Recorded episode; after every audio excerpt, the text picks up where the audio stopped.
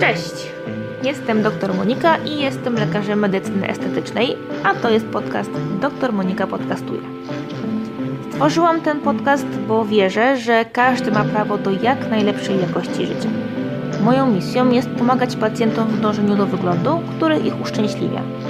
W kolejnych odcinkach będę opowiadać Wam o zabiegach medycyny estetycznej i pracy lekarza od kuchni.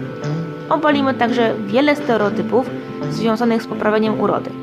Wszystko po to, abyście wiedzieli, jak wiele możecie zrobić sami lub z pomocą lekarza, aby zachować młody wygląd. Pokażę Wam, że prawdziwa medycyna estetyczna to utrzymanie naturalności w harmonii ze zdrowiem. Zapraszam! Dzisiejszy wpis dedykuję osobom, które uważają, że medycyna estetyczna nie jest dla nich.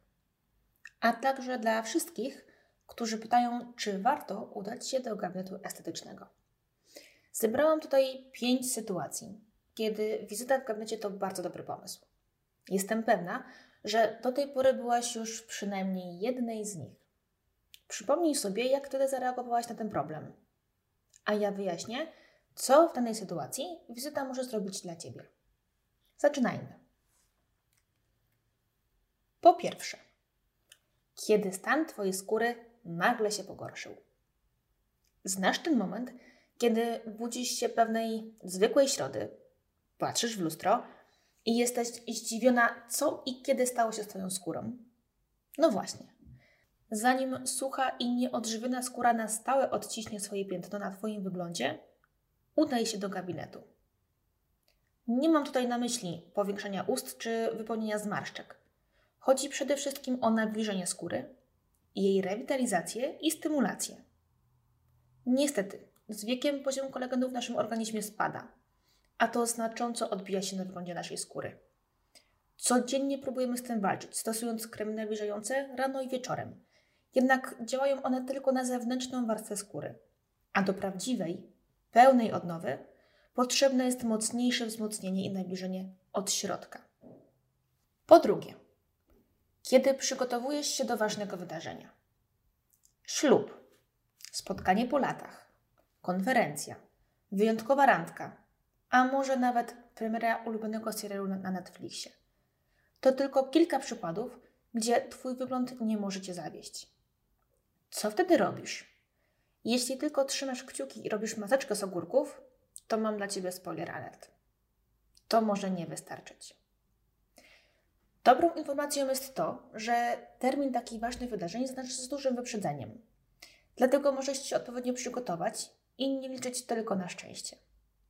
W takich sytuacjach dobrze jest przemyśleć, jaki efekt chcemy osiągnąć i zaplanować zabiegi trochę wcześniej. Przekaż swojemu lekarzowi, jaki jest Twój dzień zero i wspólnie ustalcie harmonogram.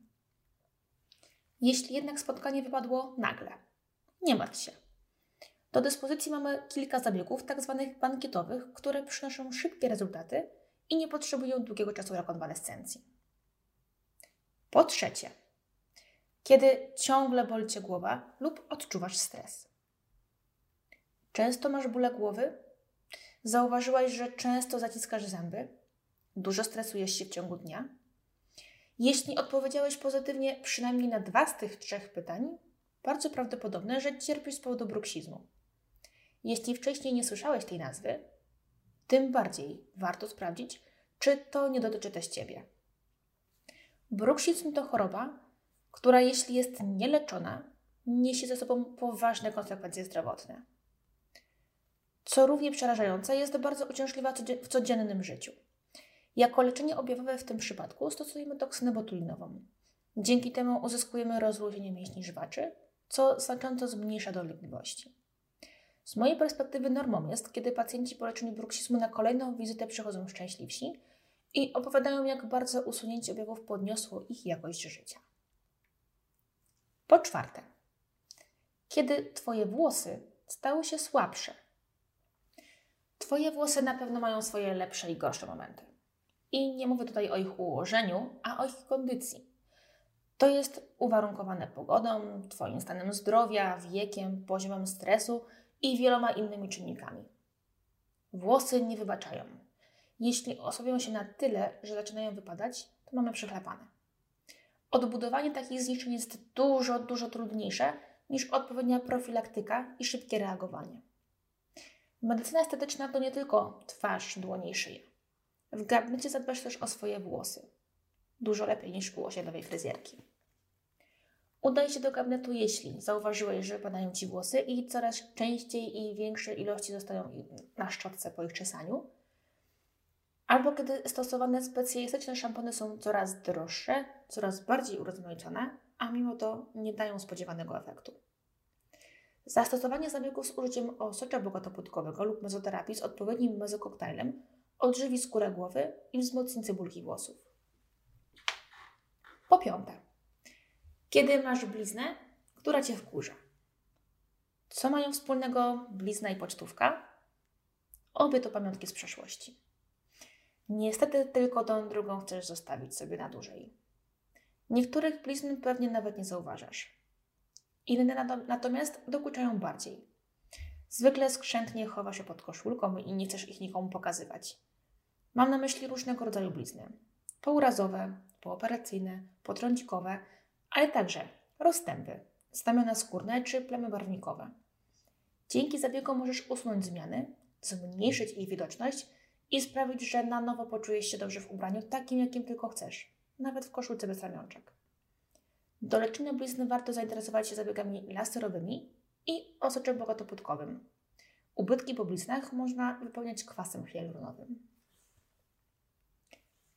Po szóste. Mam nadzieję, że znasz już odpowiedź na pytanie medycyna estetyczna, czy warto. Dzięki za wysłuchanie tego odcinka. Pamiętaj, żeby śledzić profil dr Monika na Facebooku i Instagramie, gdzie pojawiają się treści niedostępne tutaj.